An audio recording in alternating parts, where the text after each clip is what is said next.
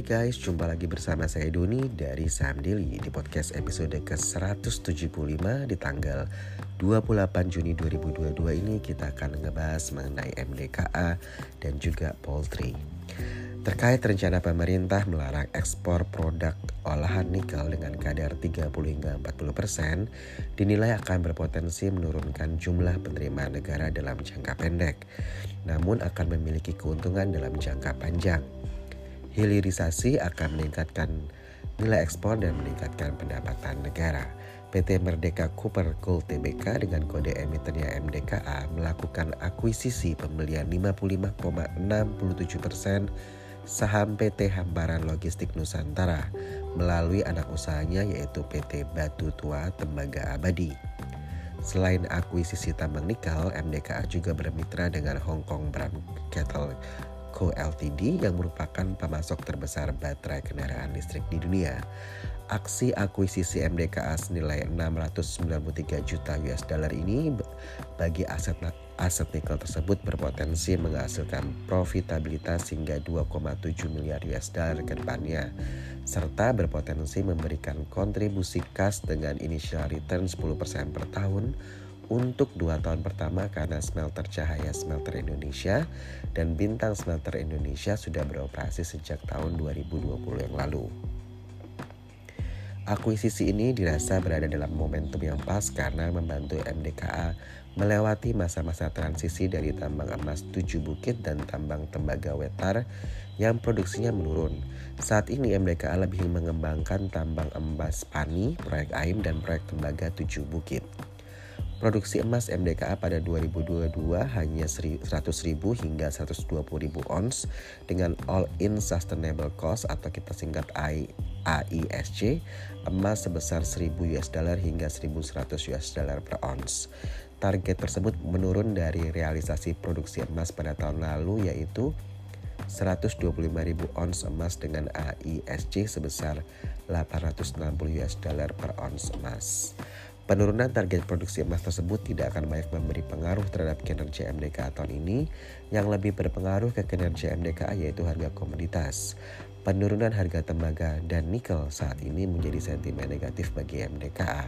Ya memang kalau kita lihat bahwa harga nikel eh, dan tembaga ini terkait dengan lockdownnya Cina ya. Tapi semalam kita baca bahwa Cina kasus COVID-nya sudah mulai menurun dan diharapkan mereka kembali normal seperti sebelumnya ya. Jadi mungkin ini akan berdampak positif bagi uh, komoditas tembaga dan nikel ya.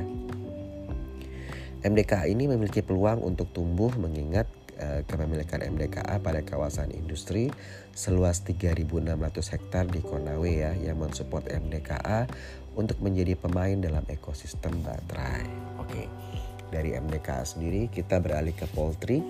Jadi seperti kemarin di podcast sebelumnya kita pernah sebutkan bahwa Ditutupnya keran ekspor ayam dari Malaysia ke Singapura itu menjadi peluang bagi emiten-emiten poultry untuk bisa melakukan ekspor ayam ke Singapura. Jadi Singapura Food Agency atau SFA ini telah mengunjungi fasilitas PT Karun Pekpen Indonesia TBK dengan kode emiten Jepin dan juga PT Japfa Confit Indonesia TBK dengan kode emitennya Japfa ya, JPFA sebagai bagian dari audit untuk menguji kelayakan ekspor ayam hidup ke Singapura. Selain Cepit dan Java, eh, PT Sria Sewu Indonesia Tbk dengan kode emitennya itu SIPD melalui PT Bell Foods Indonesia pernah menembus beberapa pasar ekspor ke beberapa negara dan sedang dilakukan finalisasi negosiasi dengan calon pembeli di Filipina juga Singapura. Selain Cepin, Java, lalu SIPD, ada juga uh, eh, WMUU ya. Jadi PT Widodo Makmur Unggas Tbk ini ingin melakukan ekspor ke Singapura di mana WMUU ini telah mengajukan prosesi ekspor ke Menteri Pertanian mengingat fasilitas produksi WMUU juga telah dilengkapi dengan berbagai sertifikasi. Oke, untuk hot news emiten kita ada PT Mahaka Media Tbk dengan kode emiten ABA di mana uh, kode emitennya ABBA ya, kita sebut ABA di mana mendorong transformasi digital dengan perubahan brand Mahaka Media menjadi Mahaka X. X-nya ini experience ya. Jadi mereka rebranding Diharapkan ABA ini menjadi perusahaan media teknologi yang memberikan ruang bagi content creators.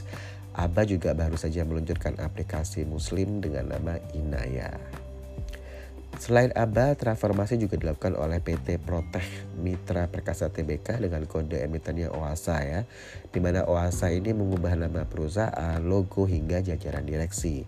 Dulunya OASA ini terdaftar sebagai entitas bisnis infrastruktur dan telekomunikasi dan saat ini berubah berbisnis industri hijau atau EBT ya. Jadi saat ini OASA berubah menjadi PT Maharaksa Biru Energi Tbk. Bisnis yang akan dijalani oleh OASA yaitu pengolahan dan pengelolaan sampah, biomasa sekaligus menjalankan peran sebagai kontraktor untuk proyek energi ramah lingkungan. Untuk itulah OASA bermitra dengan Suez Group asal Eropa. Dari ABA dan OASA kita beralih uh, lihat bursa Amerika di mana Dow Jones Index minus 0,20 persen, S&P 500 Index minus 0,30 persen, sedangkan Nasdaq sendiri itu minus 0,72 persen. Oke, kita mau disclaimer on bahwa semua yang kita sampaikan ini merupakan informasi dan bukan untuk ajakan membeli atau menjual saham tertentu. Semua resiko, reward, risk itu tergantung dikembalikan kepada uh, consider dari trader maupun investor itu sendiri. Oke, saya Doni dari Saham Daily